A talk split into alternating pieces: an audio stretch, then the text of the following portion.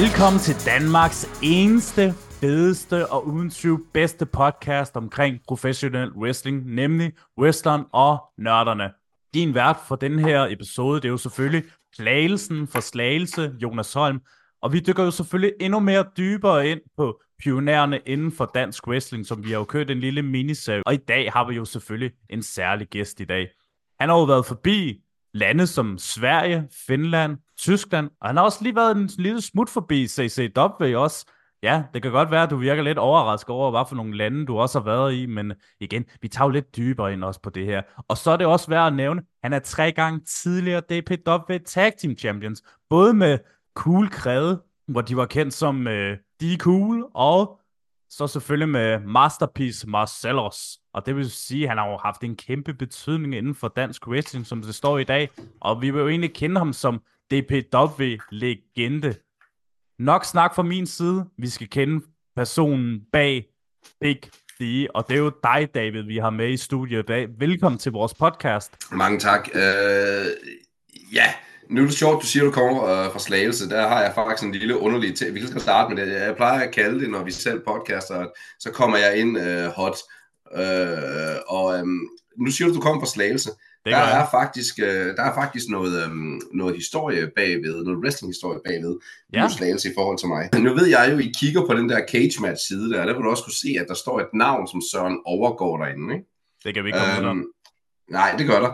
Øh, det bunder faktisk ud i, at øh, jeg havde fået en knæskade, og den har faktisk sin oprindelse i slagelse, for at det ikke skal være løgn. Øh, hvor, øh, hvor, jo, jo, jo, det er, og det er den dummeste historie, hvor at jeg havde taget fri en weekend for at tage over besøge en kammerat, der var derovre fra Randers, der flyttede over. Han sagde, vi kan kun få det her forfærdelige Københavnerøl, og det smager forfærdeligt, kommer du ikke lige at tage noget toer med. Så jeg havde banket øh, to øh, store kasser øh, toer op, og så tog jeg toget over. Jeg tænkte, nu skulle vi have nogle øl, så man kan tage tog. Så, øh, og så kom jeg slæbende ud med de her par kasser øl øh, af toget, og så kommer han hoppende, og er så glad for at se mig, han hopper op for at kramme, og jeg står med to kasser øl i hænderne, hvilket betyder, at jeg faktisk vrider rundt i knæet. Øh, og så tænker jeg ikke yderligere over det, og, og vi hygger os og har det sjovt, og jeg tager hjem igen, og så er jeg nede og træner, jeg træner nip-ups og så videre, det går fint, og lige pludselig kan jeg mærke, at der er et eller andet galt med knæet. Det betød faktisk, at min menisk var blevet delvist overrevet øh, inde, i, øh, inde i højre knæ, øh, hvilket betød, at jeg var nødt til at, jeg var knap nok kommet i gang med min wrestlingkarriere, men jeg var faktisk nødt til at pause den lidt, fordi jeg kunne ikke løbe og, øh, og,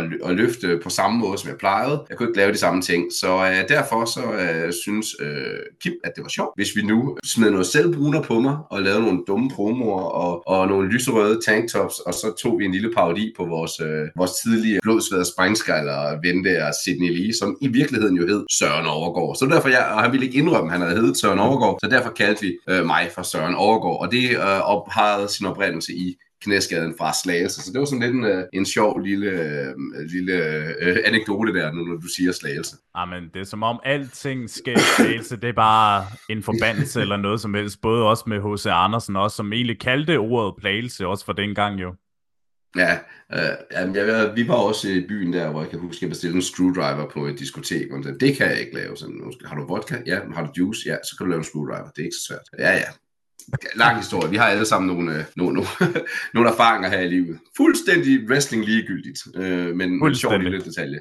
Det er jo ja. lige det. Men, men, men, men David, for vi ligesom også kommer også sindssygt godt i gang jo ikke, selvom vi allerede er egentlig super godt i gang, så skal vi jo også lige egentlig vide, hvem er egentlig personen bag D? Ja, jeg er en 40-årig skolelærer, så kedeligt er det. Uh, jeg udviser, uh, udviser, underviser i uh, udskolingen i Randers, hvor jeg underviser i matematik, uh, samfundsfag, historie, kristendom, engelsk og idræt. Ja, det er mange fag. Det, man kan ikke rigtig begrænse sig. Hvad er det udover? Jamen, uh, så er jeg også uh, personlig træner for nogen, som uh, har problemer med at tage på i muskler og tabe sig, uh, hvor jeg så hjælper lidt nogle folk der. Jeg har bygget mit eget øh, efter corona startede, øh, så begrænsede det jo helt meget øh, vores muligheder. Og vi har lige købt hus, så vi har bygget vores egen træningsfaciliteter her, så jeg kan træne folk øh, og mig selv, øh, som jeg træner hver dag. Jeg har faktisk ikke mistet en træning indtil videre i øh, 2023. Jeg har faktisk ikke mistet en træningsdag siden sommeren 2022. Så det der, man har sine egne faciliteter, kan man bare lige tøffe hen og lige få det gjort. Ikke? Hvad er jeg så? Jamen, jeg er en whisky-elsker og nørd. Vi sidder i en whisky-klub, som har fungeret i, uh, i 10 år nu. Vi har lige haft 10 års jubilæum, uh, og jeg nørder det. Fordi hvis jeg er noget, jeg er glad for, så nørder vi. Hvad er jeg så mere? Jamen, jeg, jeg er game master i pen and paper Star Wars rollespil. Okay. Så uh, altså, man skal nørde lidt, ikke? Så er jeg fodboldtræner for min søn, og en gang imellem er jeg fodboldtræner for min datter, når de har brug for en uh, målmandstræner. Så spiller jeg amerikansk fodbold, og så spiller jeg også fantasy football, øh, amerikansk fodbold, som vi, øh, hvilket vi også talte om før kameraet gik på, hvor uh, vi har kørt i otte sæsoner. Jeg er også commissioner for den uh, liga, så jeg nørder det også, og vi har sådan en lille hyggelig RFL podcast, øh, vi kører på YouTube lige nu. Vi håber lidt på at rykke det over på Spotify på et tidspunkt. Med, med et meget, meget, meget lille publikum her, fordi at, øh, at øh, det, det er jo også begrænset, hvor mange der synes, i Danmark, der synes, at fantasy football, det er en niche-leg. Fantasy football er sjovt. Men, men det går vi sådan rigtig meget op i. Jo, det er i hvert fald nogle af de ting, jeg er. der er ikke nok timer i døgnet nogle gange, synes jeg. Men man kan jo også godt sige, det er også altid meget godt, at man har noget at lave i siden din karrierestop for en del år siden. At det, det, det er fedt at se, at du egentlig stadigvæk er godt i gang trods alt, at øh, man skal prøve at finde en ny idé for sig selv, ikke? Altså i sit næste kapitel også. Ja, altså, jeg vil sige, at øh, jeg er i, øh, nu har, nu har jeg godt nok i, øh, men det er rigtigt, hvad det siger, når man bliver 40, så sker der et eller andet, øh, fordi at øh, jeg blev, jeg havde en lang periode, hvor jeg faktisk aldrig havde sygedage. Jeg har fire sygedage i år, det er en rekord for mig. For her i 2023, det må godt slutte snart, for der har jeg både haft efterslæb fra corona, øh, Bell's palsy, mykoplasma pneumonia, og så har jeg lige afsluttet med en kihose også, bare lige fordi vi skal lige have hele, hele paletten øh, indover. Så, så jeg glæder mig til 24, og jeg så har mulighed for at begynde at løbetræne lidt igen. Det lyder sådan helt perfekt jo, ikke? Men, men David, ja. for vi ligesom helt begynder helt fra starten af jo, ikke? Altså, hvornår startede det hele med wrestling, og kan du egentlig sådan huske den allerførste kamp, du så, og egentlig også føle, at den her wrestler og kampe, de her, det var bare fedt at se? Jeg var fem år gammel, og der var en, øh, en af drengene fra, øh, fra børnehaven faktisk, der, øh, der havde en onkel, som havde bånd med fra England. Så vi sad, det var i 1988, der havde han det her bånd med, og så skulle vi sidde nogle drenge og se Royal Rumble i 1988. Og der sad vi og så det her, og de synes de der kæmpe store gutter der, der uh, kunne løfte folk over hovedet og svinge dem ud. Og, altså de var, de var mega seje, som sige. Jeg var ikke så meget til de store, men jeg var en gut, der lige fik mit øje. Og han vandt desværre ikke, han hed uh, Bret Hart. Han udviste det her hjerte, det her, uh, den her fighter spirit med at aldrig give op. Og, så, altså, jeg, jeg blev hurtigt fanget i uh, det hans tekniske måde at håndtere tingene på. Så, så, så Bret Hart fik mig sådan lidt, fik, fik lige antæt sådan lidt en, uh, en ild, og så var der lidt, der kom en gang imellem på tv, man kunne se, og min mor var ikke helt så vild med, at jeg sad og så sådan noget der, fordi det, det var også voldsomt, så hun forsøgte at begrænse det, men gang kunne lige snige sig til at se noget der. Og så i 90'erne, når man blev lidt teenager, så var der jo ham der gutten der, der godt kunne lide at drikke bajer, og og, øh, og give øh, folk fingre, der var lidt anti-establishment, så uh, da, da, så, så synes man jo, Steve Austin var lidt sejt, hvilket er lidt interessant, at min, øh, min søn nu faktisk hedder Austin, fordi at øh, okay. min øh. Mm. kone og jeg, da vi først mødte hinanden, der bondede vi over, hun havde set en film med den her skuespiller, Steve Austin, hvor jeg så kunne tilføje noget kontekst i forhold til hans wrestling-karriere. Så altså, vores søn hedder faktisk Austin nu. Og så i de der 2003 og lidt fremad der, indtil jeg faktisk selv begyndte at wrestle, så var der en anden anti-establishment gut her. Han, øh, han var lidt, også lidt kontroversiel. Halvdelen havde ham. Han hed John Cena. Han var sådan rimelig, han, han var rimelig okay til at rap, og han, øh, han provokerede lidt. Og jeg var også selv en, der havde leget lidt med at rap en gang imellem. Så, så, så, så fangede det også lidt. Så, så, så, det er som om, at jeg voksede op lidt sammen med nogle af de her wrestlere her. De, de, var, de fulgte mig sådan lidt igennem. Jeg var ham nørden der, der begyndte at læse, da jeg var fire. Altså. Jeg sad og kiggede igennem øh, Lademands leksikon, og de gamle bøger der, der stod. Min mor havde dem alle sammen, alle de store leksikoner, så jeg slog altid noget op, sådan noget, jeg ikke forstod. Så, øh, så jeg begyndte jo også at nørde det der wrestling lidt. Det er altid sjovt at høre den der baggrund i forhold til, hvordan man ligesom kom ind og så wrestling. Nogen for eksempel ser gammel WWF-bånd, eller nogen ser WCW, altså i deres sidste tid også, ikke? Altså, så er det jo også lidt en forskellig måde, man også ligesom kommer ind på den her wrestling-verden på. Ja, ja, altså for, mig der handlede det om, at øh, det her der var pisse underholdende. At da de først blev, da Sammartino, han havde afsløret, at uh, det er staged, øh, det trækker jeg på skulderen. Det, jeg er sgu da ligeglad, det er pisse underholdende. Altså, det kan da være fuldstændig ligegyldigt, om det er i scenesat. Det er da også i scenesat, når jeg går ind og ser et skuespil øh, i teateret i København, eller hvis vi, øh, eller hvis vi øh, tager i biografen og ser Titanic. Det er bestemt, øh, hvem der vinder. Så, øh, så, så, det er jo ikke fordi, at det kommer til at ændre min oplevelse af tingene. Jeg har ikke brug for at se en dokumentar. Men øh, hvis vi sådan også lige sådan dykker lidt øh, videre i frem i tiden, øh, David, egentlig, hvornår fandt du sådan egentlig også i, egentlig ud af, at øh, du skulle i gang med det her wrestling også? Altså, hvad, hvor hen i tiden er vi egentlig henne? Min ven Eddie Christiansen og jeg, øh, vi havde de her wrestling events på Barry's Pub i Randers, øh, hvor man kunne se de her WWE events. Vi startede faktisk, før vi kom ned på Barry's, så sad vi oppe i en ungdomsskole øh, i Nordbyen og Randers og så New Year's Revolution 2006. Det første New Year's Revolution. Og så begyndte vi at køre dem ned på poppen, de her øh, wrestling events, hvor man kommer til pay-per-views. Og det var. Så var det den 18. november 2006. Der tog han mig med til International Showdown i Lago. Jeg tænkte, Okay, du var også der. Ja, det var også mit uh, første show med dansk pro wrestling.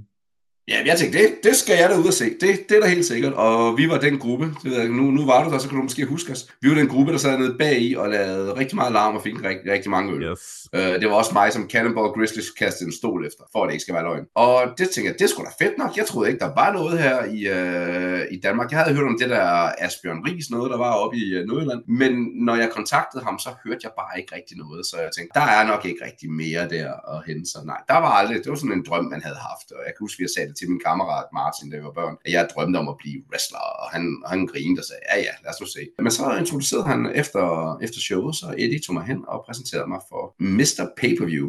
Paul Rost, de var kammerater. Det havde lavet sådan nogle ture til Tyskland, øh, også sammen med Benny, hvor de havde set nogle, øh, været nede og set nogle shows sammen. Så, så fik jeg præsenteret, og han sagde, at jeg kunne da komme og, øh, og træne. Så den første i første 2007, så begyndte jeg at træne ude i Aarhus på nogle modder. Og kan du sådan huske sådan den første tid med træning egentlig? Øhm, og var der egentlig også sådan på et tidspunkt, der egentlig var afgørende for din udvikling som stil som wrestler? Ja, altså, det bliver en mudret, øh, en mudret øh, kasse, vi har her. Jeg begyndte jo at træne derude i, øh, i januar øh, 7, og det var kaos, altså Kim Tinning, og det var Mr. Pay-Per-View, Paul Rost og Tank, Christian Vester, der, der var ansvarlig for hovedtræningerne. Christian Holm, øh, som vi også kender, Kuglekrævet, han var jo en af dem, der hjalp til. Men de tre, der lidt stod for den her træning her. Og især øh, Kim og Paul der, de udviste noget interesse øh, lidt, lidt for, at der var måske noget, jeg kunne bruges til. Jeg var god til at sælge øh, slag. Jeg, havde, jeg har noget fortid i, i drama, så det her med at, at udvise smerte og, og sælge noget og reagere på det, der skete, det kom helt naturligt. Øh, Jeg har altid dykket drama, øh, også i folkeskolen og i gymnasiet og hele vejen igennem. Men det var faktisk også uh, Paul, der fandt på Big D, øh, navnet, øh, fordi mm. min marker der, Martin, som faktisk var taget med, han har, han har altid kaldt mig for D. Og det handler om, at øh, Martin der, han havde noget talebesvær, da han var barn, så han kunne ikke sige David. Han sagde, sådan, David, det var bare for stor en mundfuld for ham. Og, og jeg var nørden, så jeg tænkte, jeg starter med D, så jeg lærte ham bare at sige D. Og så hang det der nickname bare ved lige siden, og en venneflok fra det gamle Kristrup, de har altid kaldt mig for, øh, for, for D, så det hang bare ved. Og, øh, og så øh, Paul øh, også amerikansk fodboldfan, og han fandt så ud af, at jeg er en livslang Cowboys-fan også. Øh, og de bliver faktisk kaldt for Big D, så det var da helt naturligt, at det skulle jeg da også hedde. Så det, det fandt han på der, Paul. Trummet op af, af ingenting. At det er det, du hedder nu. Super. Og nu øh, er uh, Randers har jo også et ry. Ikke? Øh, for dem, der kan huske lidt tilbage, så ved vi også, at Randers har været et sted, hvor der har været en masse uro. Og som barn, der kom jeg jo tit i situationer, hvor min mund den var lidt for stor og lidt for impulsiv. Så jeg blev lige sendt op til lidt brydningsundervisning op i Nordbyen og Randers. Bare lige for at kunne lære at forsvare mig selv lidt. Uh, jeg var der ikke så længe, men uh, jeg skulle bare lige lære noget standard selvforsvar. Det var så fint, at jeg lærte at kunne kaste folk hen over skulderen og så videre. Det var en god måde at kunne forsvare sig selv. Og så da jeg kom ind i militæret og skulle være soldat, der lærte man også lidt shootfighting. Det var det frivillige tilvalg, man kunne tage dengang, hvor man lærte nogle greb og nogle låse og nogle kast takedowns. Altså det, som egentlig er blevet til MMA hen ad, hen ad vejen, det lærte man jo sådan set øh, i militæret, som de kaldte håndgemæng, kan jeg huske. Okay. Øh, men øh, ja, ja, så lærte man at kaste rundt med folk på nogle låse på. Ikke? Og så, ja, så kan man ikke lade være med at lade sig inspirere af de hjælp, man har haft. Ikke? Altså, Bret Hart har jo været er jo mad wrestleren med låsene, og Stone Cold med stunneren, Cena med de der store kast fra Fireman's Carry op over skulderen. Man har jo sådan lidt ladet sig inspirere, men så har man taget det, man havde med sig i baglandet, og så brugt det, kan man sige. Og så er blevet trænet rigtig, rigtig meget i mange år af, af Kim Tilling. Ham I kender som Kaos. Hvis vi så går i finisheren, så kan man jo også godt, hvis man nu hører, har du hørt lidt om, hvor jeg har tingene fra, så kan du også godt regne ud med Sinas fireman's carries, og øh, min finisher var jo en choker, kaldte jeg den, fordi stunner, ikke? hvor jeg tog en kombination af Sinas fireman's carry over i en, en Stone Cold Stunner, hvor jeg så spiller lidt ud af den. Det var noget, jeg selv fandt på. Det kunne være en fed ting. Og ja, det fandt jeg faktisk på. Det var, jeg kan huske Marty, uh, Marty Stone, han tog til TNA og wrestlede et stykke tid som Marty Skrull, jeg kan huske, hvad han hed der. Der fik han faktisk givet min finisher videre til en diva derovre, til en kvinde øh, wrestler derovre, som brugte den, tror på tv to gange med den. Men der kunne jeg godt genkende den og sige, hov, vent lige to sekunder. Den har han set mig lave i Danmark, så har han givet den videre til hende. Så, så, så, så det, Ja, det, det var lidt sjovt, at, øh, nå, okay, så jeg har faktisk lige nu indirekte haft en lille bit smule indflydelse på noget, så det grinte jeg lidt af. Og det var altid en god ting, kan man sige. Wrestling, alle stjæler for alle, det skal vi huske. Altså, Bret Harts sharpshooter var jo, var jo heller ikke uh, noget, han selv har fundet på. Den stammede jo fra noget, han havde lært i uh, Japan. Vi, vi lærer alle sammen af hinanden på, på kryds og tværs øh, alle sammen. Og det er jo det, der er fedt. Det er, når man kan lave den her vidensdeling, øh, der hjælper til at udvikle brandet og udvikle wrestling til at være mere underholdende og bedre. Og det, det, er, jo, det er jo sgu en vigtig del af det. Så jeg, jeg, jeg tager det på skulderen, men huskede på, det var altså mig, der lavede den førhen, skal lige siges. Men, men udover at du ligesom også snakker om uh, finisher her, David, også, men hvad var der egentlig også sådan lidt afgørende i forhold til dit uh, karakter i wrestling også?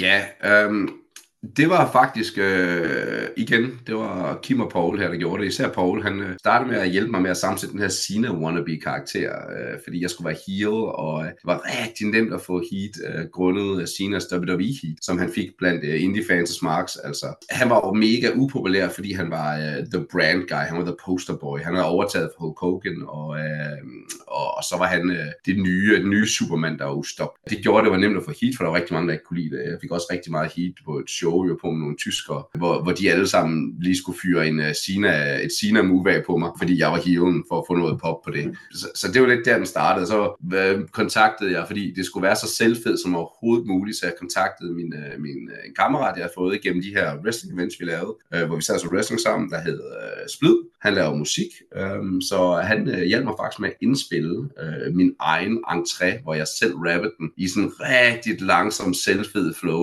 Og, og det, det var sjovt, jeg havde leget lidt med rap, men så var det jo sjovt at få lov til at lave sin egen øh, musik der. Splid, som faktisk også har lavet rigtig meget af min musik igennem min recent karriere. Det er jo også meget interessant at egentlig vide, også hvor meget også musikdelen også er det jo. Det har vi jo også hørt tidligere for Coolgred også, hvor der var en, der også hjalp ham med hans Instruments musik dengang. Det kan jeg jo faktisk godt huske. Han var jo med til at træne, hvad, hvad den hed. Og han var med til at træne på modderne ude i Aarhus også. Jeg kan ikke huske, hvad han hedder lige nu. Det, det blanker jeg lidt på, men uh, ham, der lavede hans musik, han var med der, dengang til at starte med. David, vi kommer jo til den del, hvor vi også sådan skal snakke om din uh, wrestling-karriere nu jo. Så vi skal jo tilbage i 2007, den 30. november. Din allerførste kamp, altså officielt på, hvad det også siges, på Cage Match, som vi jo en gang siger, det er jo næsten wrestling svar på Wikipedia, hvor du var imod Le Pope, og det er jo ikke sådan, du ved, almindelig show.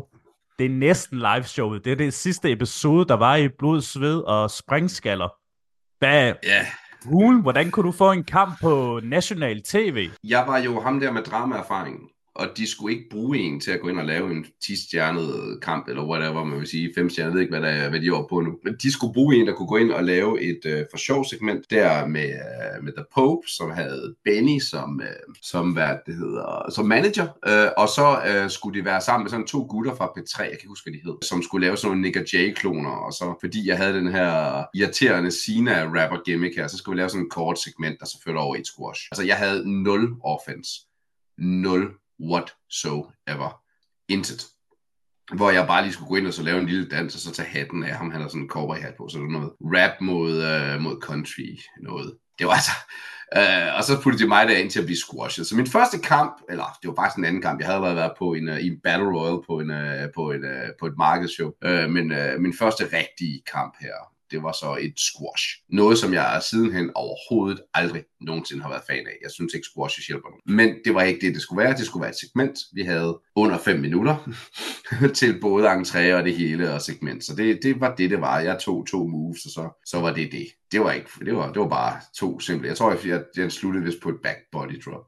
Nej, det var det ikke. Det var et uh, Samoan drop, var det, den sluttede på. Så det var, ja, ja. Der startede jeg min egentlige finisher. Jeg siger jo chokkerne med finisher. Min egentlige finisher, har jeg jo altid sagt, det er, at jeg ligger på ryggen og kigger op på lysene. Det er det, så ved jeg, at kampen er slut. Og man kan jo sige, at den ligger jo stadigvæk inde på DR TV, selve showet også, hvis man skulle være interesseret i at se det. Og faktisk en sjov fact med de der to gutter, du øh, gik ind med, det var jo komikerne, både MC og Tobias Dybvad, for det ikke skulle være løgn. Ja, det var det. Men, men det vidste jeg jo ikke noget om, hvem de var. De var men de var meget sjove, altså. Og det var, jeg mødte dem først på dagen, og så skulle vi lave et hurtigt segment. Og så kom vi lige frem til, hvad det var, vi skulle lave, og jeg, jeg, jeg hævde noget wrestling over, de de gerne ville lave, og så var de ellers. Så handlede det sådan set bare om, at nu skulle vi lige gå ind og være og lave noget, noget, noget kort øh, comedy, så at folk kunne nå at hente sig en kort, eller en kort eller et eller andet. Så det var, det var fint nok, altså. Alle skal starte et sted, og man skal pay sin dues, og det er jo sådan, det er. Men udover at du sådan egentlig mest er kendt for at være sådan en tag team specialist jo, det kan man jo ikke komme ud over med din wrestling karriere, men så har vi jo også de her til at snakke om de her key matches, når vi ligesom har wrestlere på besøg i vores program, ikke? Altså, er der nogle matches, som var jo egentlig med til at definere din wrestling karriere, og der igen, der vælger du bare alt det, du har lyst til at gå i dybde med. Jamen, øh, så lad os holde os for tag team øh, kampe for nu, øh, fordi det er faktisk ikke dem, der har påvirket mig så meget som wrestler, som det er de singles kampe, jeg har, de modstandere, jeg har haft der i. 2011, og det, det kommer til at, ja, det bliver, det bliver ikke, øh, en, det her bliver tre kampe i en, som jeg tager som en øh, sammenhæng med en, øh, en kort pause indeni. Fordi øh, den 3. i 9. i 2011, der havde jeg en kamp mod Kenny the Kid, i, øh, og det var i Open Rå. Og det var jo egentlig ikke, fordi den kamp, den havde den store påvirkning på mig. Kim øh, havde lært os, øh, Kaos havde lært os det her med, at vi skulle altid sige fra, når der var nogen, der prøvede at tage friheder. Og det var der rigtig mange af de her tyskere, der, der har haft en øh, tendens til at gerne vil gøre. Når vi siger tage friheder, så er sådan noget med, at de rigtig gerne vil øh, prøve at intimidere dig ved øh, ikke arbejde, øh, at sige, de arbejder loose, men så egentlig arbejde meget solid, hvis du kender de udtryk. Mm. Ja, Super, det regner jeg så også med nogle af fansene, de gør. Ikke? Hvor Kenny her, han, øh, det første han gør her, hvor vi skal ind og lave noget trade-off, det er, at han hammer bare en knytnæve, som om det er en boksekamp, lige i smasken. Og der har Kim jo øh, lært mig, Kaos har lært mig, hvis du tillader dem at tage sådan nogle friheder her, så øh, får du ingen skid at skulle sagt i sådan en kamp her, og så vil de gøre lige præcis, hvad de har lyst til, og, og du vil, øh, det vil ødelægge kampen som sådan, men det, du, du vil også komme igennem noget rigtig træls. Det har jeg jo lært hjemmefra, så, øh, og med en med en far, baggrund der hedder, min far han var bokser, så havde jeg lært at slå igen. Så jeg fik sendt nogle hurtige tilbage til ham, og så lige vist ham øh, en kvittering for hans øh, opførsel, og så var han faktisk til at arbejde med. Derfor, øh, efter det, så sad jeg og, øh, i lockerroomet der, og, og Kim han nikkede jo, så det var fint, øh, som han nu plejede. Med Kims øh, jyske entusiasme, det var fint. Ja, ja, det er fint. Godt nok, så, så sad jeg i lockerroom bagefter og bondede med øh, en, øh, en skotte, der hed Adrian. Adrian McCallum. Jeg tror nok, han vandt titlen den dag, Adrian. Uh, Lionheart, han også kaldt. Vi sad og snakkede og hyggesnakkede. Han sagde også, det var fint. Han havde nu lagt mærke til det. Han sagde, det var fint, jeg lige, at jeg ikke bare lod den der gå uh, usagt, fordi nogle af de her tyskere nemlig havde en tendens til at være lidt nogle bullies. Så det skulle han jo ikke have lov til ham her, Kenny. Uh, så han synes, det var fedt. Så vi endte med at tage til Randers, uh, kom fra, for at fejre showet, og Adrian og jeg, vi tog i byen. Og jeg husker det især, fordi han lagde et, et, et opslag op på, um, på, øh, på Facebook, hvor at han beskrev en gentleman, som havde øh, spurgt, om, øh, om han ikke var klar på en enkelt omgang, og han har sagt ja, og så har den gentleman kommet ud med øh, en flaske shots, øh, fem forskellige øl, øh, og det var så mig, tre forskellige whiskyer til os hver, og så var vi ellers bare i gang. Det endte også med, at jeg måtte, at jeg måtte øh, bære Adrian hjem til os, hvor jeg boede dengang.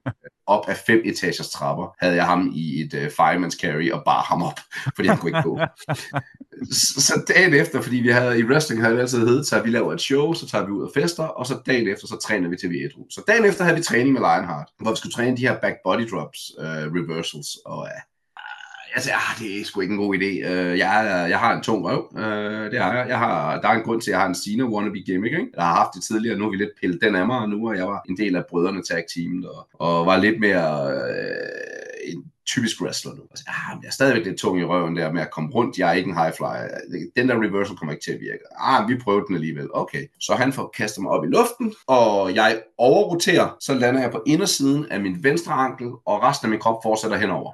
Uh øh, og min, min ankel brækker ud i en, i en 90 graders vinkel på ydersiden af foden. Der stikker den noget bare ud. Ja, ja, det gjorde ondt. Eller, det, det, det er sjovt. Jeg kunne huske, det gjorde det i øjeblikket, og jeg, men, men, men derefter, så, som om, der, så kørte adrenalin bare. Og vi kiggede på den, og, og Kim kom hen og sagde, oh shit, man, skal jeg ikke lige brække den på plads, og vi er til at tage fat for at give plads? Øh, nej!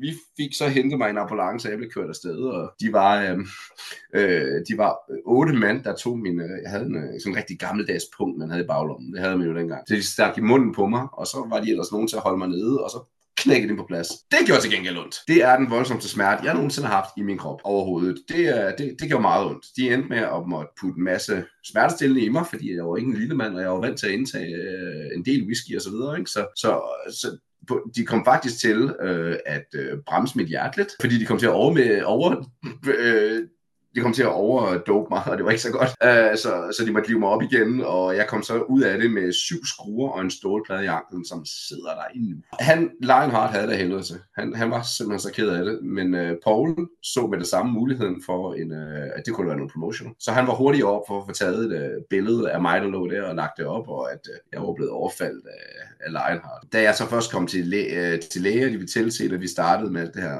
uh, jeg skulle til at komme og noget genoptræning, så fik jeg at vide, du kommer aldrig til at dyrke sport igen. Det var så anden gang, de sagde det til mig. De sagde også til mig dengang øh, i med slagelsessituationen. Der sagde jeg, du kommer aldrig til at sport igen. Nu sagde det til mig for anden gang. Jeg vidste jo så, at det var bullshit, fordi det havde jeg jo allerede fået ved vide en gang, og jeg havde vist, det passer sgu ikke. Det, jeg skulle nok dyrke sport, så jeg ville dyrke sport. Så jeg gik hårdt i, øh, min træning, altså min triceps var mega stærk efter at have gået vi er som sagt fem etager over Budø, og jeg er jo nu på krykker. Så øh, jeg fortsatte jo med at tage på arbejde. Jeg var også i, øh, i praktik øh, som lærer på det tidspunkt her. Der var jeg i praktik, så jeg tog den. Det var også i en flere etagers bygning, så min triceps var mega stærk.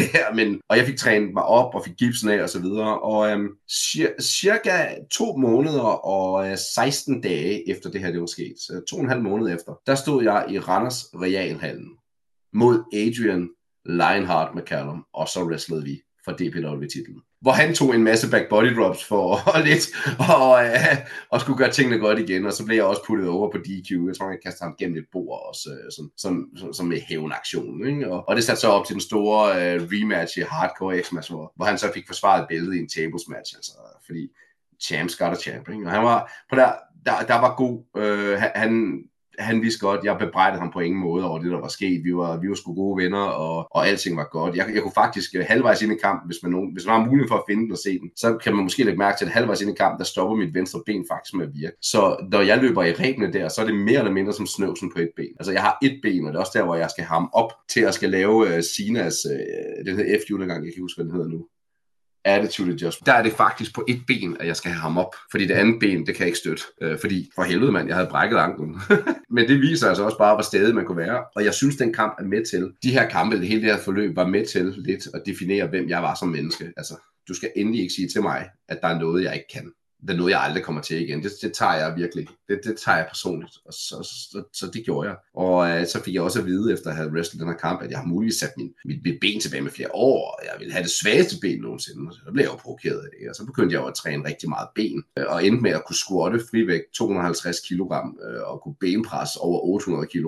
Altså, min ben er nu det stærkeste på mig, øh, fordi du skal satme ikke sige til mig, der er noget, jeg ikke kan det blev det provokerende. Hvor du så holde? Så, så kommer den gamle øh, street øh, kid fra Kristrup, der var vant til at løbe i øh, Randers' gader, og dengang Randers blev kaldt Voldens by. Så kommer, så kommer stedigheden i ham op. Altså det. Jeg, jeg, altså, jeg kunne læse op til en hel masse ting, og læse mig frem til en masse ting, og begyndte at gøre mig klog på fysisk træning der. Og det, det startede også min, øh, min, min workout-mani, som ikke rigtig helt er cool. Jeg kan, jeg kan ikke slippe den igen, og det kommer jeg nok heller aldrig til. Fordi man skal satme ikke sige til mig, der noget, jeg ikke kan. Ja, det var nok den ene, ikke? Så ja, så kan man jo heller komme ud over, at, øhm, at jeg nok over tiden, nogen vil mene, at jeg er blevet lidt doven. Men det er faktisk ikke det, det handler om. Fordi at man ser nogle af de her store spotkampe her, hvor man ser øh, man ser de her rigtig dygtige øh, atleter, der flipper rundt og laver alle de her flippy spots og hopper ned i en, øh, øh, en 450 med en pirouette spots og måske øh, 15-20 øh, spots i løbet af, af en kamp. Og, og så kommer jeg ind, og jeg laver fem ting. Five moves of doom hver gang, og så tøffer mere eller mindre af. Det bunder jo ud i, at øh, i den 26. Øh, februar i det følgende år her i 2012, der havde jeg muligheden for, øh, der havde Kim og Paul belønnet mig øh, med en øh, kamp mod badass Billy Gunn.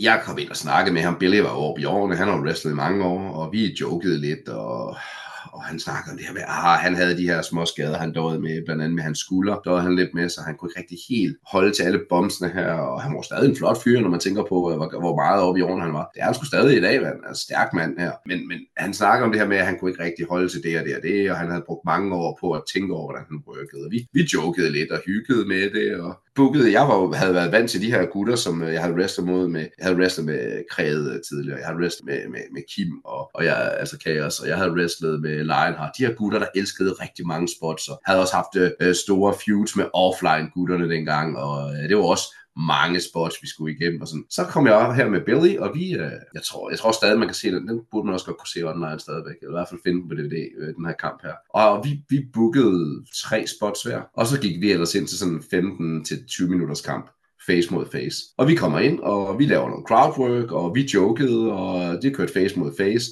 meget få bombs, meget simple spots. Jeg fik givet ham min, øh, min øh, running bulldog fra hjørnet, og jeg tog hans famous, og, og vi lavede rigtig meget crowdwork, og han fik det, det der You Still Got a chance. Yes, så vi havde det mega sjovt, og efter kampen, der, der snakkede vi også om det. Jeg tror, vi snakkede i 45 minutter, hvor vi bare stod i hyggesnakkede, mig og Billy, omkring det her, og, og han gav mig noget indblik i det her med, hvis du skal have en lang karriere, så er det work the room, keep it simple. Pas på dig selv, ikke? Hvis du har det sjovt, så har de det sjovt. Jo mere sjovt du har det med det, jo mere sjovt kommer de til at have det med det. Fordi det smitter. Det, og så less is more. Vi gik ind, og øh, vi havde krævet var også ude den, øh, den aften. Jeg tror, det, jeg kan huske, om det var, var det Tito Santana, han var ude mod. Den ja, aften. det var det nemlig. Legends ja, og, uh, show, tror jeg, det hed. Ja, og, og de lavede store, fede moves, og så gik vi ind og lavede præcis det modsatte. Også fordi, som han sagde, der skal være plads til lidt af hvert. Og der ville han hellere være manden, der kunne have den lange karriere øh, ved at not work hard, work smart. Og det kunne jeg godt følge ham i. Øhm, så det begyndte jeg lidt at tage med mig, det her med. Det kan godt være, at folk jokede omkring Cena med hans five moves of doom, og Undertaker med hans five moves of doom, men, men der var noget sandhed i det. Også fordi, øh, som man sagde, recognizability. Hvis publikum kan genkende dine moves, så skal sætte dem ind i nogle sekvenser, sådan de kan se, nu kommer det her. Og han, nej, han brugte Shawn Michaels, som var hans gamle DX-ven øh, Og han sagde, hvis folk de kan genkende sekvensen i, hvor det kommer, så kan de sidde og booke med ude fra tilskuerpladserne, og så følte det sig som mere en del af showet. Øhm, så ved at, at, at jeg begyndte at køre tingene i en fast sekvens. Det var simpelt som, at jeg sender min modstander til hjørnet, og så løber jeg ind, og jeg får en boot. Og jeg får den boot hver gang. Altså, seriøst, så, så, så burde man, hvis man har set mange kampe, man tænker, har han ikke snart lært det? Han får booten lige i ansigtet. Han burde sgu da snart have lært. Så kravler min modstander op og skal til at lave noget fra toppen. Jeg griber ham hver eneste gang, inverted atomic drop, og så sidder vi og joker hvis det var et low blow, men det var ikke rigtigt et low blow, og publikum er lidt mere, og vi griner lidt, altså griner lidt publikum, mens han står og sælger der. Og så kommer der nogle knæ, og jeg laver min double underhook, og nu sidder folk allerede, jeg behøver, til at starte med, så pegede jeg op på hjørnet, er det nu? Og så, så reagerede de, øh, efter jeg havde gjort det en 6-7 gange, så skulle jeg til at pege, så kunne jeg se, så sad de og pegede op på hjørnet, nogle af dem. Okay, nu ved de, hvor jeg skal hen. Fair enough, op på hjørnet, elbow drop fra toppen. Lille ting, eller fra anden rebet. En lille indblik her. Hvis jeg kommer fra anden rebet, så misser jeg. Hvis jeg kommer fra toppen, så rammer jeg. Så det er bare lige lidt wrestling insider her. Øh, det var også smart nok for min modstander øh, at vide, kommer jeg fra anden rebet, så er det fordi, at han skal flytte sig. Simple ting, som man ikke behøver at kommunikere for meget, når man står derinde, fordi så, øh, så kan det godt fjerne flowet, hvis man står og skal til at forklare alle ting derinde. Men, men han lærte mig noget om de her ting med at kunne kæde tingene sammen på den måde, så, så det begyndte at blive genkendeligt. Han sagde, og du behøver ikke lave meget. Lav fem ting og så, og så har du dem. Fordi så, så er de med i den. Fordi så føler de, de er med til at bestemme, hvad du skal i kampen, og det hjælper. Det er lille wrestling-hemmeligheder her. Ja, men altså, øhm, jo, det var, hvad er det? Er det to kampe, jeg har nævnt nu? Er det, vi jeg tror faktisk, det er to kampe, du har nævnt. Du nævnte jo tre kampe i en, jo, så, men du ja, kører ja, altså, bare videre, David. Så. Vi kører sgu videre, vi kører videre. Ja, øh, fordi samme år, der havde vi den her kamp. Jeg havde den her kamp med Chaos. Kræde og jeg var blevet uh, tag team champs, og det var et stort øjeblik, kan jeg huske. Um, og, uh, og så til næste show, vi skulle forsvare det, fordi man havde et rematch clause, og vi skulle forsvare det mod de her uh, Fight Club fra, uh, fra Skotland. Så efter showet, så tørnede Chaos på os, og han addede color på mig. Udtryk forhåbentlig, du også kender. At yes. addede color det på et chair shot. Yes, yes, yes. Godt. Um, det ledte op til, at vi skulle have den her øh, First Blood-kamp i øh, Amager Bio, faktisk, for I skal være løgn. Og den blev livestreamet over nettet, den her. Øh, og jeg tror faktisk, måske at det var en af de første gange, at det blev gjort, at der blev livestreamet et show. For jeg ved, at øh, jeg havde familie, der sad hjemme i, øh, hjemme i øh, Randers og sad og fulgte med. Og øh, ja, jeg kan huske, at uh, vi var på lige før main event, og jeg kunne huske, at jeg tænkte, at det er klogt. Ja, ja, ja, det, det er, der bliver kåret en champ, og, og det, er for, og det skal du ikke tænke på. Der bliver kåret en champ, så uanset hvad, så vil det være det største øjeblik, kan jeg huske, øh, Kim han sagde til mig. Ah, jeg tror, det er en dårlig idé, det her. Nå, men nu tager vi den alligevel, ikke? Uh, vi planlagde fire spots, Kaos og jeg, og, vi glemte to af dem. uh, vi, huskede, uh, vi huskede finish, og vi huskede, uh, at vi skulle gå på, på toilettet. De har lige lavet det her nye toilet, de har fået renoveret, ja, og det jammer bio, det var mega flot. Men Vi skulle tage et smut på toilettet, øhm, og så skulle kameraet følge med os derind, også fordi, at det, havde, øh, det gør man tit i hardcore kampe, som siger, det her var jo en hardcore kamp, så slut, det gør vi sgu. Og vi gik på toilettet, og jeg husker, at jeg forkastede, øh, jeg sender Kim afsted hen mod en håndtør, jeg tænker, så tager han lige et let bomb derpå. Nej, det gjorde han ikke. Han launchede sig selv ind i den der håndtør, og hammer den, og den flyver bare i væggen, og bamler rundt ind i den her nyrenoverede toilet, og øh, vi er i gang, og vi ryger ind i stålsen, og de der døre der bliver næsten flået af væk, og vi kæmper bare hinanden, til vi kommer udenfor, og jeg tror, det er her. Jeg griber keyboardet fra DJ'en og hammer ham ned over hovedet med det, bare fordi det var der. Og så var det meningen, at jeg ville til at kvæle ham med ledningen. Fordi det er sådan en rigtig godt spot til kamera, hvor man virkelig kan sidde, og man kan flexe det godt op og gøre det virkelig drabeligt. Men det når jeg ikke, fordi ham her dommeren fra Sverige, som har nogle ordentlige hænkestensbriller på, er på vej til at løbe hen. Det er jo en first blood kamp. Og så kigger jeg på Kim, og så ser jeg, fuck, han bløder. Jeg har kottet ham med det her tastatur, som jeg lige har flækket hen over på ham. Og når jeg tænkte, Selvfølgelig vil han skulle da komme til at bløde, hvis du flækker til tastatur hen over på. Og det er der, Mr. Pay-Per-View Paul, han tænker hurtigt og drejer bare rundt og ser ham her, dommeren komme løbende. Og så slår han bare Paul. Og det ligner, han sigter på en bil, der holder ude på parkeringspladsen. Og ham dommeren, han går bare i gulvet. Altså, han ligger stille. Og så Paul ellers i gang. Jeg bliver lige hurtigt lagt ned, så han har tid til at tilse kaos der og, og få stoppet blødningen.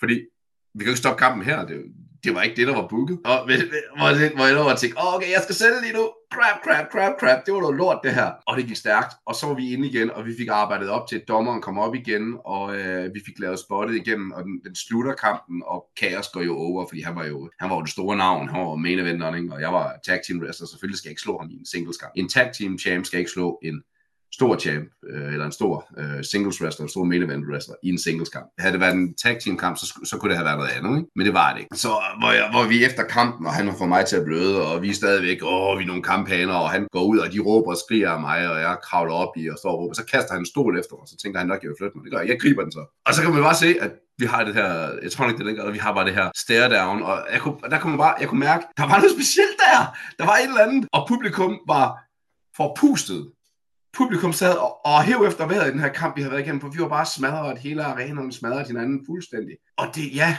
vi, som man også vi gik ud og lagde en dej i ringen der, fordi vi fuckede jo fuldstændig main eventen op som var Heimo og øh, Demolition Davis, tror jeg nok, det var på det her show. Og vi, for, vi, vi smadrede det jo fuldstændig for dem, fordi hvis publikum først har været deroppe, så skal de have en pause, før de kan komme derop igen. Så vi havde jo faktisk... Øh, men, men, men der var et eller andet unikt i en kaos og, og, og de kamp. Der var et eller andet unikt der.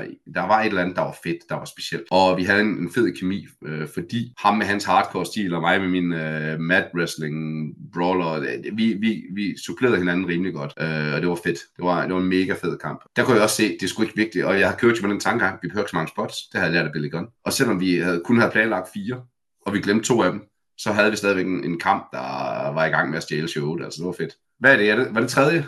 Det var faktisk det tredje. Men mindre du har flere, selvfølgelig. Jeg har en mere. Du sagde 3 til 4, gjorde du ikke? Yes, det gjorde jeg nemlig. Så får du en til, fordi øhm, så tre år senere, jeg havde jo, øhm, jeg havde jo øh, trænet øh, nogle af de her knatter. Jeg blev træner i øh, 2000 og var det 10 eller 11. Det var dengang alt det her brud skete med øh, nogle af de gutter, der tog til VDK.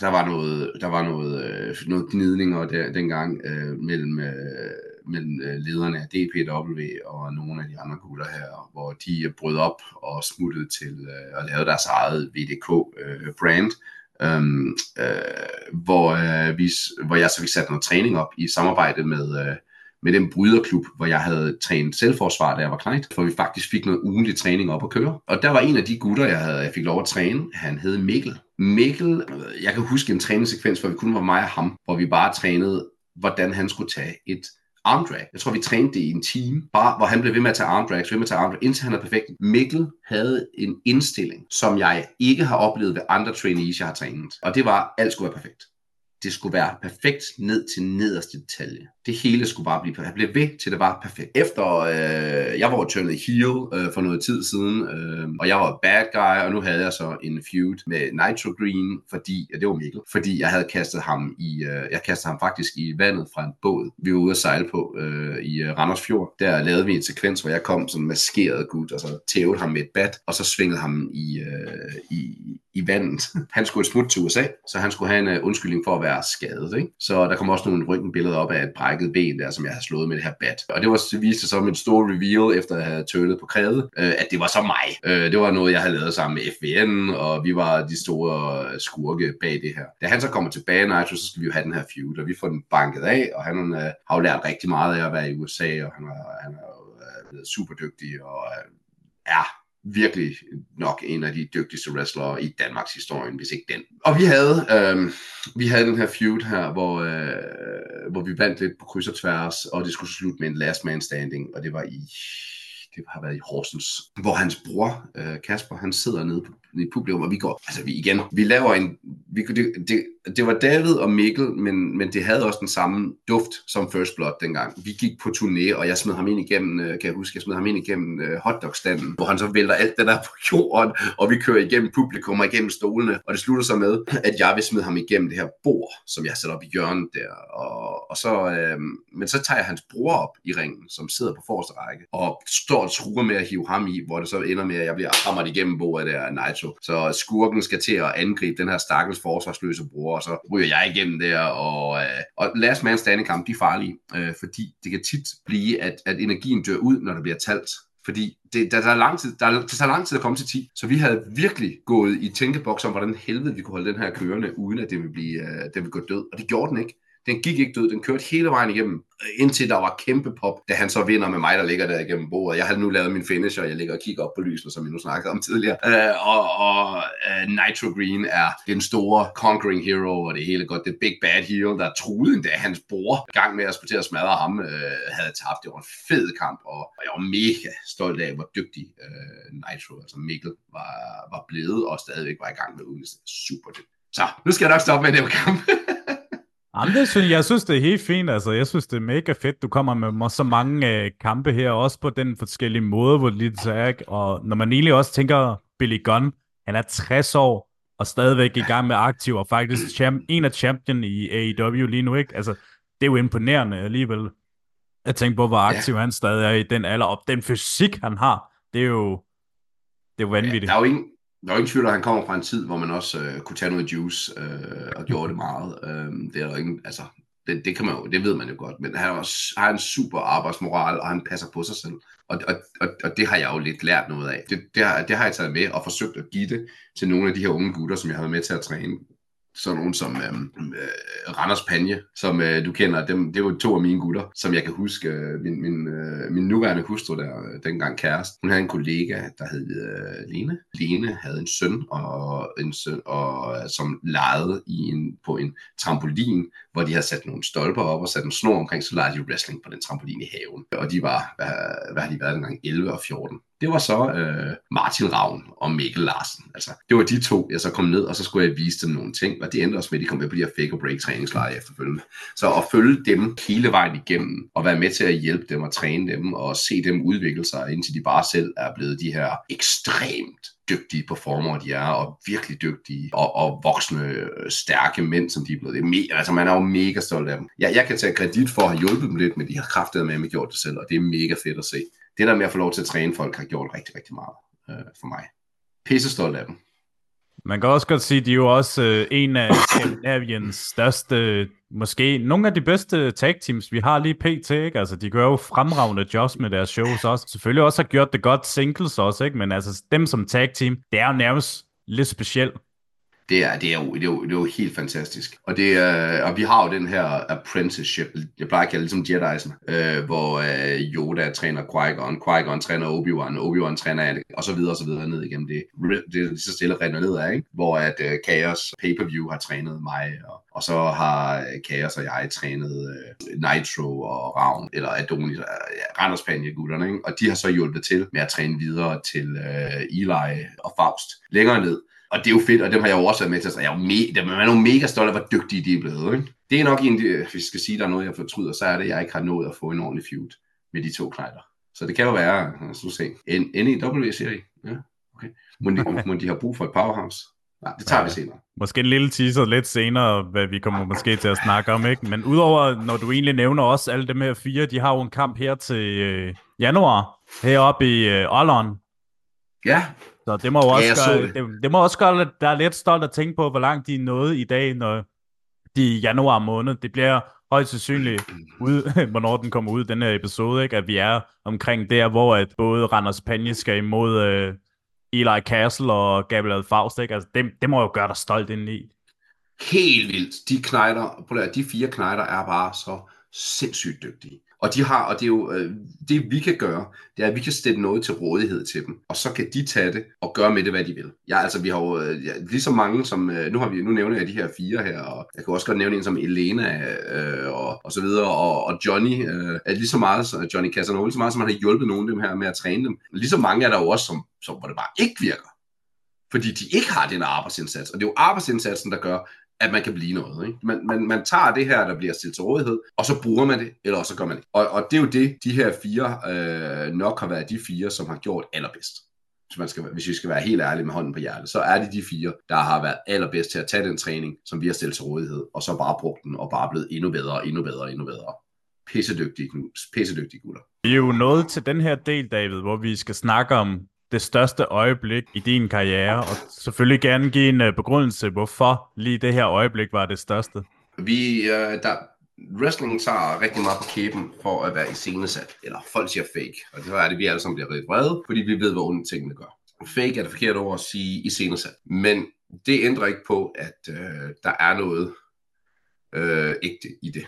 Øh, at man sætter jo ikke Øh, den nye øh, rookie, der lige knap nok har lært at tage et bomb i en main event, eller har vinde en titel. Altså, når man gør det, når man sætter nogen ind til at vinde en titel, så er det fordi, de mener, man kan bære den. Altså, så man må nok sige, jamen, vi kan jo ikke komme ud over, at da, vi, da vi vinder tag team titlerne første gang, der, der kan jeg da mærke, jeg huske tårerne, de trillede, og det var sgu ikke uægte. Det var ikke, øh, det var ikke et, øh, det var ikke et shoot, det var, øh, det var ikke mig, der var i gang med at, at overspille for kameraerne. Det var sgu ægte. Der er en anerkendelse af det hårde arbejde, man har lagt i ringen, og, og det er også, øh, det, er, det er sgu noget. Øh, jeg kan ikke huske kampene, må jeg indrømme, men jeg ved, den følelse, jeg havde i det øjeblik, var ægte. Jeg havde da øh, min mor, der sad nede på tilskuerpladserne og så det også. Og, øh, det var stort.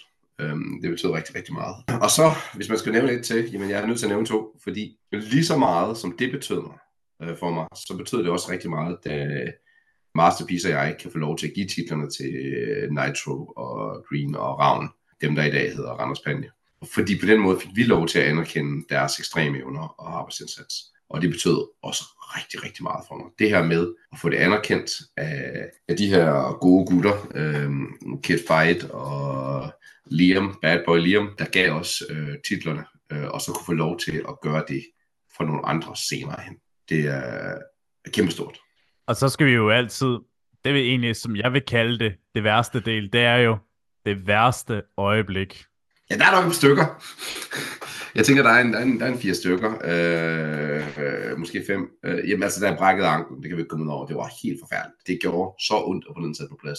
At det kan jeg ikke sætte ord på. Og ja, den sidder der stadig. Og øh, sidste år til sommer, øh, der gik jeg fra Harrislev. Det var meningen, jeg ville gå hele vejen til Vejle på, på, på, på et døgn. Så når jeg gik mere eller mindre uafbrudt. Da jeg når til Harlev, det ligger lige uden for Aarhus, øhm, der stopper min venstre ankel med at ville dreje. Der sidder den bare fastlåst.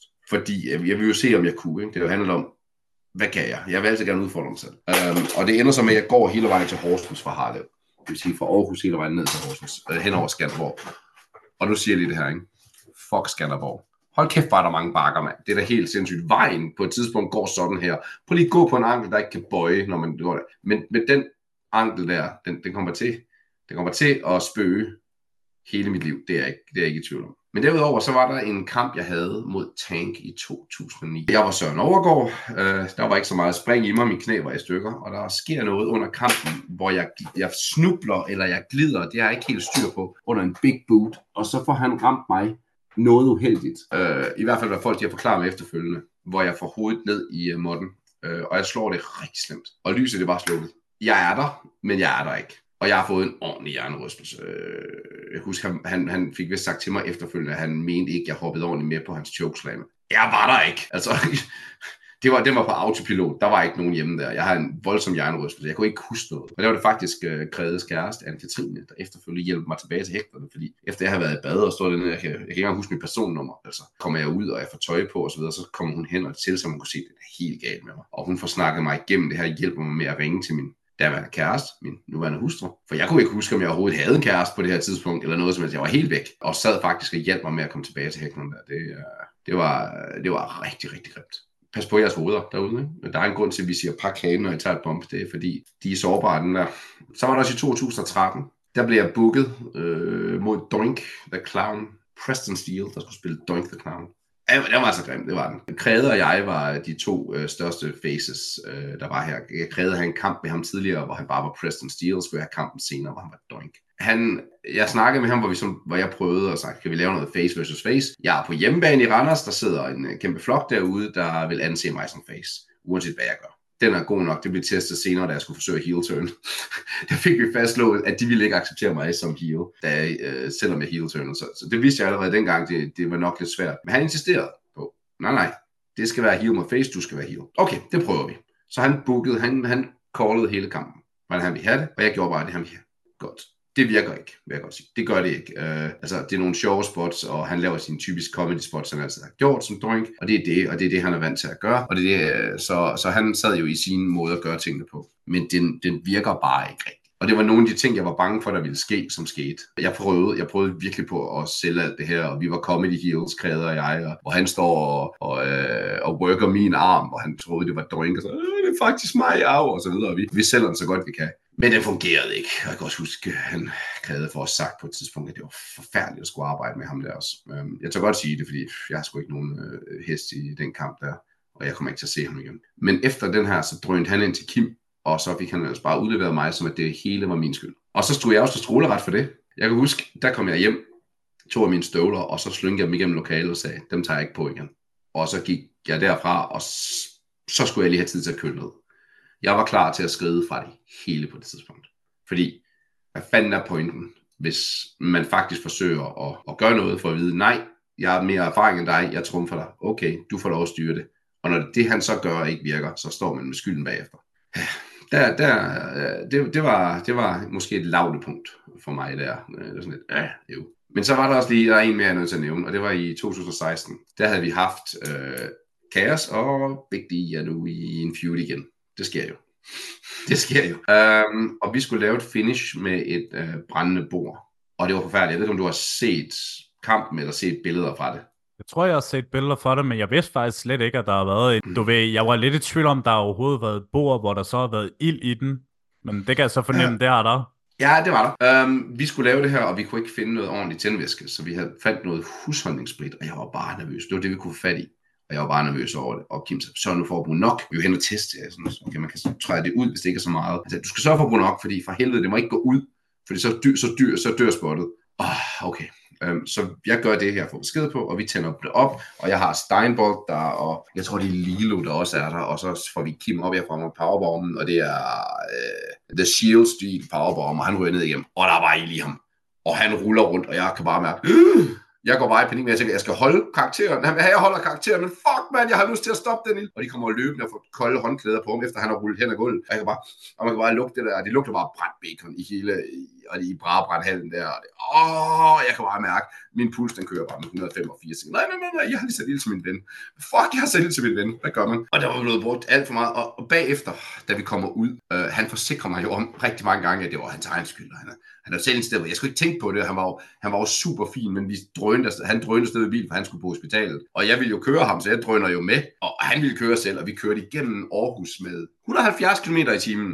Hold da fest og det går meget stærkt, og vi kører zigzag mellem biler ned til hospitalet, og han bliver tilset, han har fået slemme forbrændinger. Kim. Åh, jeg havde det bare skidt. Og han, kredit til ham, han, han forsøgte at tage, for han kunne godt se, at jeg havde det bare skidt med, det var sket var, at han tog, han tog den selv på sin egen karp, det han skulle mand nok til, Kim. Men, det, men nej, uanset hvor mange gange han, og han kan gøre det i dag, forsikre mig om, at sådan og sådan og sådan, det var han selv. Og, nej, den sidder stadig i mig. Fordi altså, det kan godt være, at jeg er stiff, jeg er solid, det er jeg, men jeg kunne aldrig finde på at skade nogen. Det er aldrig min hensigt. Vi lægger vores liv i hinandens hænder, når vi er derinde, så det skal sgu være sikkert, så det sidder bare i mig. Jeg kan stadig huske det, og det, det gjorde, at da jeg kom tilbage til, til, øhm, til arenaen efterfølgende øh, og træder ind der, der børnene, de ville ikke i nærheden af mig. Det var sådan, jeg kunne gå igennem, og så trække de bare ud, fordi det, jeg hørte også, de har psykopaten så vildt til folk. Gimmickmæssigt, så vil jeg være en heel dernede for evigt, men øh, det var en forfærdelig oplevelse at sidde i. Det er jo typisk, det her Kim gør noget dumt.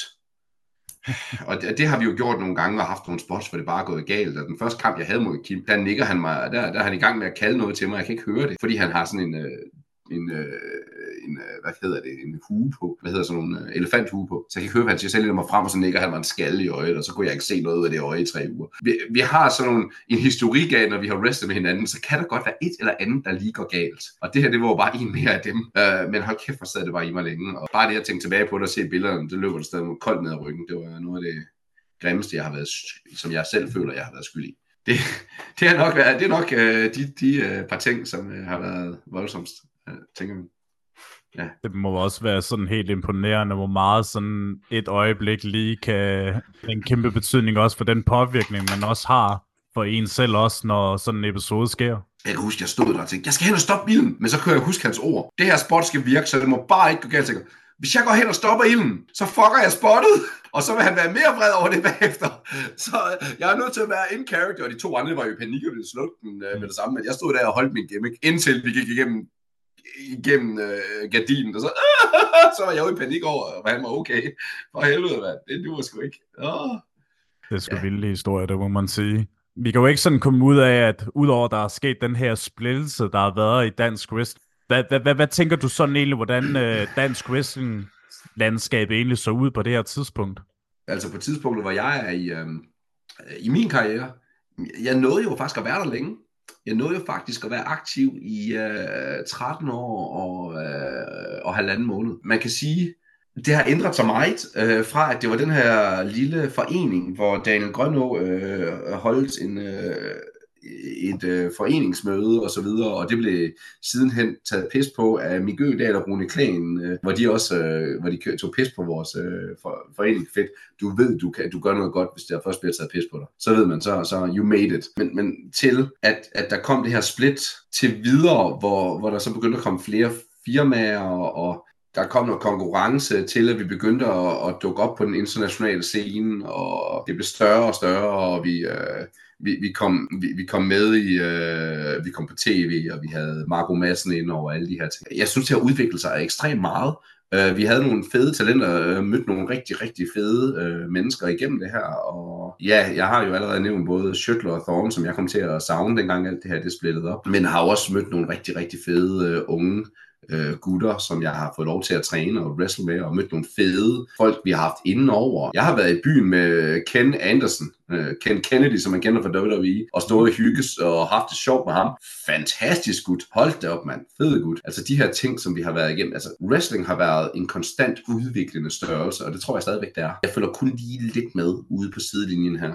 Men det er jo en konstant i konstant i udvikling. Altså det skal vi huske, den eneste konstant her i verden, det er forandring.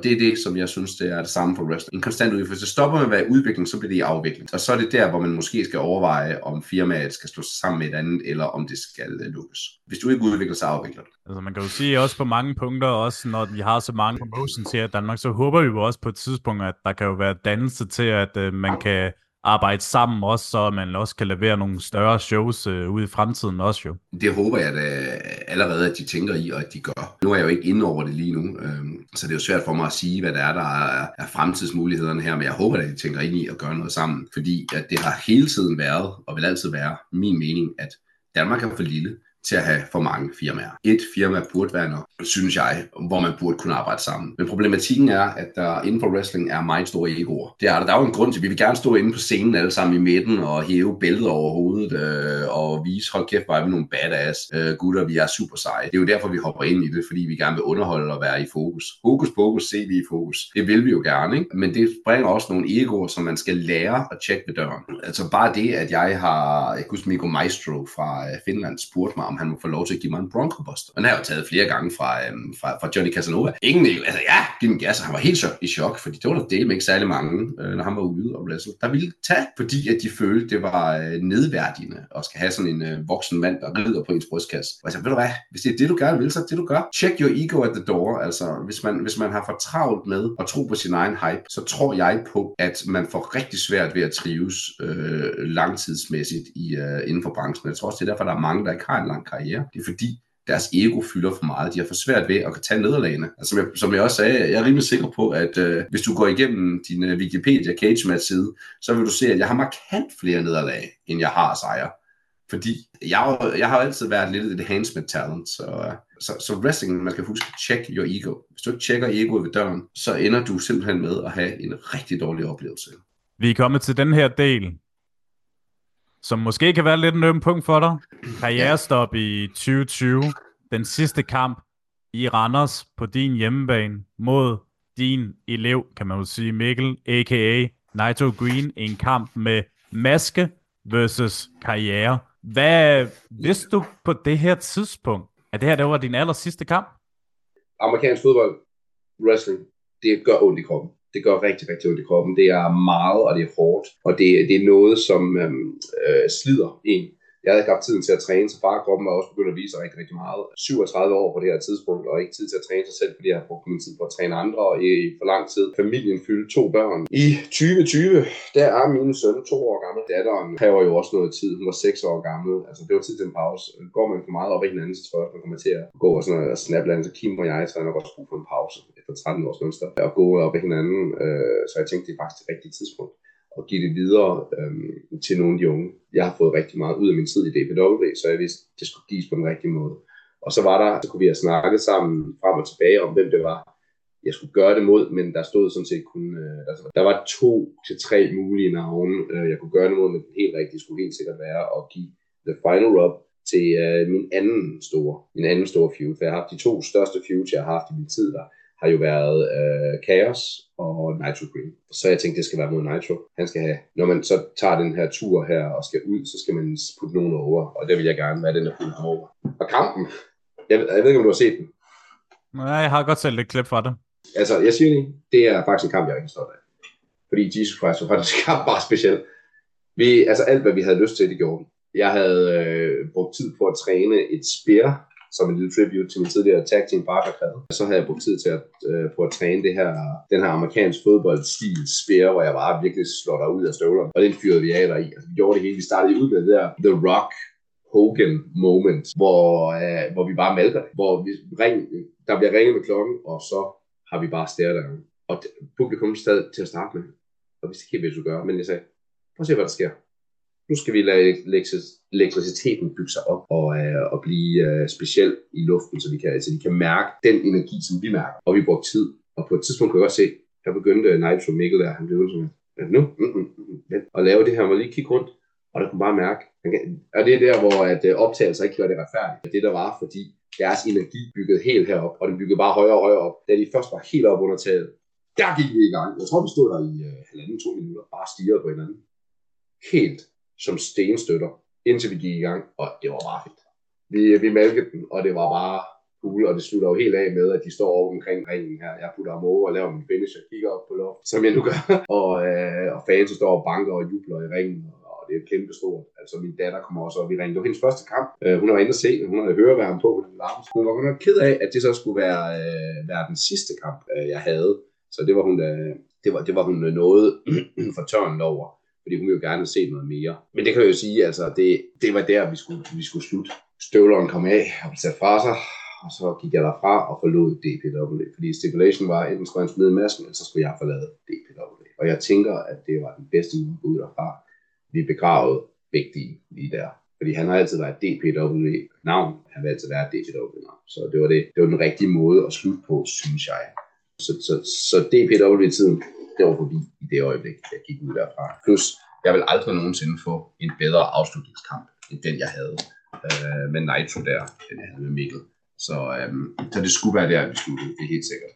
Så det er en af de kampe, vi faktisk vil anbefale, hvis du kan finde den. Jeg tror faktisk måske, at øh, Mikkel eller jeg kan finde en gammel link til dig, eller, hvis du vil se den. Det er ikke helt det samme, fordi som du selv siger, wrestlers skal se lives, øh, skal ses live, og det skal det. Det var fedt, det var unikt. Men herefter, snart fire år, efter dit seneste kamp, David, så er det jo altid der, vi også har snakket med de fleste, som har jo lagt øh, støvlerne på hylden. Er der et comeback i vente, eller skal det bare være på det rette tidspunkt, og skal det være sådan et specielt øjeblik, at øh, du træder ind i ringen igen for et måske one-off eller to? Altså, hvis der er grobund for det. Jeg ved, at min amerikanske fodbold, det synger på sidste sæson. Lige om lidt. Der er ikke så lang tid tilbage. Jeg er godt klar over, at jeg er 40 år gammel, og jeg spiller med 23 år. Der er en vis magiforskel, ikke? og øhm, jeg har snakket lidt med folk, og vi har nogle idéer, og jeg er faktisk rimelig okay form. Jeg skal lige tilbage i cardioformen, fordi jeg ikke rigtig kunne træne det på grund af øh, alle de epidemier, der er. Øh, som jeg nævnte tidligere, så har jeg jo haft dem alle sammen Der. Så jeg skal lige have den tilbage, men, øh, men, jeg, men jeg vil våge den påstand, at med noget kardiotræning, så er jeg faktisk i min livsbedste form. Det kommer aldrig til at blive på fuldstid, hvis jeg skal vende tilbage. Fordi jeg er 40 år, og jeg er familiefar, og jeg er skolelærer. Jeg er alle mulige ting. Men det kunne da godt blive godt. Altså, hvis man står og mangler en, øh, en glad gut, der kan øh, gå til stålet og give den gas. Et powerhouse, som bare gerne vil have det sjovt og ikke gider en masse intriger, men bare gerne vil gå ind og underholde et par gange om året. Så kan man jo kigge på det. Jeg tænker, at min DPW-tid, den er nu, fordi det var det perfekte måde at sige farvel til det på. Og det vil jeg aldrig kunne, kunne kopiere. Men nu er der jo masser masse andre firmaer. Og som jeg også sagde tidligere, så er en af mine store fortrydelser, det er vel jo egentlig også, at jeg aldrig rigtig fik haft den der feud med, med, vores, med to af vores trainees, som jeg gerne ville have haft, ved at putte dem over Elias og, og, og Elliot. Eller som vi kalder dem, Eli Castle og Gabriel Faust. Det kunne man jo godt have drømt om. Jeg vil ikke udelukke, at der kan ske noget, men det skal også give mening. Bookerne skal jo også kunne se et behov for mig. Det er jo ikke kun en vej, så jeg kan ikke sige, nu laver jeg comeback, og så vandrer jeg bare ind i en wrestling. Der skal jo også ligesom være nogen, der er villige til at booke mig. Det ved jeg ikke. Jeg, jeg må da også indrømme, at det er ikke så lang tid siden, at jeg tog en, øh, en træningssession sammen med Nitro Green i en ring til lige for ringosten af. Kom til at lave en Johnny Casanova-arm på rebet også, og øh, var sur på mig selv over det i lang tid. Det er, hvor man får albuen fanget, fordi man ikke får taget ordentligt omkring ring, øh, ringrebet, når man løber ind. Aldrig siger aldrig. Det kan være, det sker, det kan være, det ikke sker. Det skal give mening. Der skal være nogle booker, der kan se en point i. Og det sætter jo punktum meget godt på det her efterhånden jo lange og meget spændende interview, du ligesom har givet os i dag. Det har også givet meget sådan indtryk i forhold til, hvordan egentlig dit øh, synspunkt er på det i forhold til dansk wrestling. Ikke? Og man kan jo også sige, hvis man også fortsætter på det egentlig, hvad er dit syn på dansk wrestling i dag jo, i snart 2024, som vi kommer ind på? Ja, det jeg kan se, det er, at der er kæmpe production value i Bodyslam. Det ser mega godt ud. De er super gode til at brande sig selv. Men det er de dele med ind også i, øh, i NAW.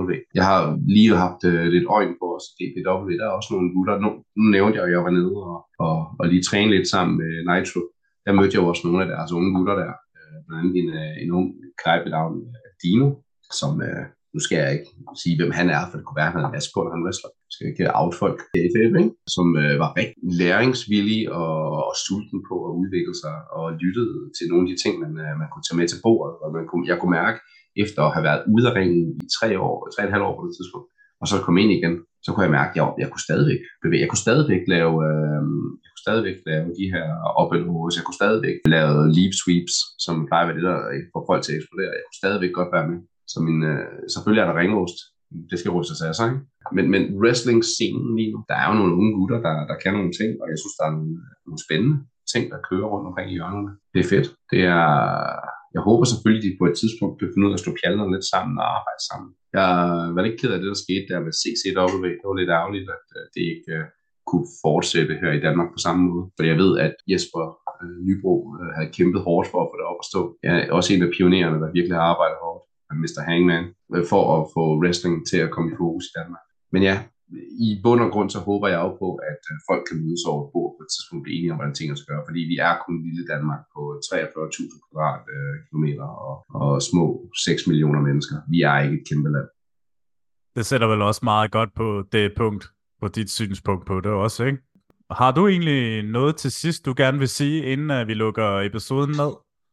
Jeg er 100% enig i jeres holdning. Wrestling skal ses live. Det skal det. Kom ud og støtte op om det. Det er fint, man gerne vil sidde derhjemme og se det på computeren, men uh, gå nu ud og støtte op omkring det. Firmaerne kan ikke eksistere uden uh, støtten fra fansene. De har brug for, at I kommer og køber en billet. De behøver ikke være til hver show. Kom og køb en billet en gang, men være med og se det. Ellers så kan det ikke fortsætte. Wrestling har brug for billetsalgene for at køre, for det er ikke gratis at booke haller. Det er ikke gratis at hente store navne ind fra udlandet, der, der giver jer en oplevelse, når I at se det. Kom nu ud og se noget wrestling live, så kan man også øh, kunne se at, øh, noget mere i det. Og det, det kan også være nogle af de gutter, I så faktisk får lov til at se i de her shows her i Danmark, at de faktisk går hen og bliver store verdensstjerner. Vi kan snakke omkring, øh, ja, Ludwig Kaiser har jeg hørt dig nævne øh, tidligere. Jeg kender ham jo som øh, Marcel, eller Axel Dieter, som øh, var en ung knægt, og var her og wrestle sammen med os back in the day. Og, ja, og det er jo, øh, og nu ser man ham i WWE sammen med øh, Walter, eller hvad, hvad han hedder nu? Øh, Günther. Ja, det er det, han hedder. ham, var, ham og jeg var aldrig sådan. Jeg, jeg kom bedre ud af det med, med, med, med Axel Dieter der, Ludvig. Men det er jo folk, man så også kender fra DPW, folk vi også kender fra dansk wrestling scene, der har været inde omkring. Vi har haft El Generico, ja, ham, han er jo også øh, stort navn nu, Sami Zayn. Vi har haft de her folk ind omkring, og det er jo fedt at se, hvordan de er blevet til de her verdensstjerner. Og jeg håber jo også på store ting fra nogle af de her gutter her, jeg, som jeg har været med til at træne, som jeg virkelig kan se har noget her talent. Jeg har jo nævnt det med igen. Det må man mm. sige. Det, det har været en helt fornøjelse at have dig med, David. Det skal du have tak for din tid, og, og tak for den øh, indsats, og du har gjort for dansk wrestling. Altså igen, dit øh, indsats har jo gjort, at øh, det, til det er det i dag jo. Det er jo en stor betydning jo også for, man kan jo sige, også fans, og også for wrestler, der var igennem, ikke? Altså tak for det. Selvfølgelig, altså på det her, vi er alle sammen en del af stenen, der har været med til at huset. Øhm, og vi har også været med til at nyde huset. Man skal heller ikke, øh, man skal heller ikke kimse af det. Jeg har også fået rigtig meget af det her. Jeg har fået rigtig meget af en Kim og Paul, der, der så noget i mig øh, og hjalp mig til at, at, at, udvikle mig, både som menneske, men også som performer øh, til den person, jeg er i dag. Og det skal man jo heller ikke, øh, det skal man heller ikke tage for givet. Øh, det, det er sablen, det er så meget værd. David, tusind tak, fordi du har haft lyst til at deltage i vores podcast. Det har været en fornøjelse at have haft dig med. Jeg, jeg havde advaret dig, at du sagde, at det nok tager en time. Det giver mig en live mic, det er fandme farligt ved du hvad, du har fået den tid, du skal have, og det har kun været fedt at høre din historie og din mening også for til. Og igen, til jer lytter, husk at tjekke Davids podcast ud.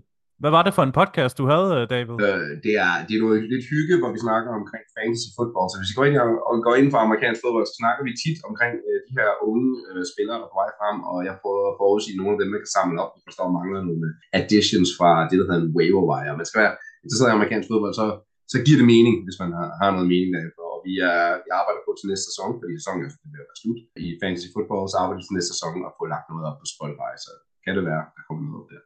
Det håber vi selvfølgelig, og det vil jo endnu en gang være fedt at endnu en gang have mere podcast øh, til den her skønne verden, vi kender af podcastverden. Jamen, øh, jeg tænker efterhånden, vi er ved at gå i gang med pionerne inden for dansk wrestling, så er det jo selvfølgelig altid en fornøjelse at høre de her historier, både for, for selvfølgelig fra Big D's side, og for Forn og Lars og Benny, og det er jo altid en fornøjelse at høre det fra dengang.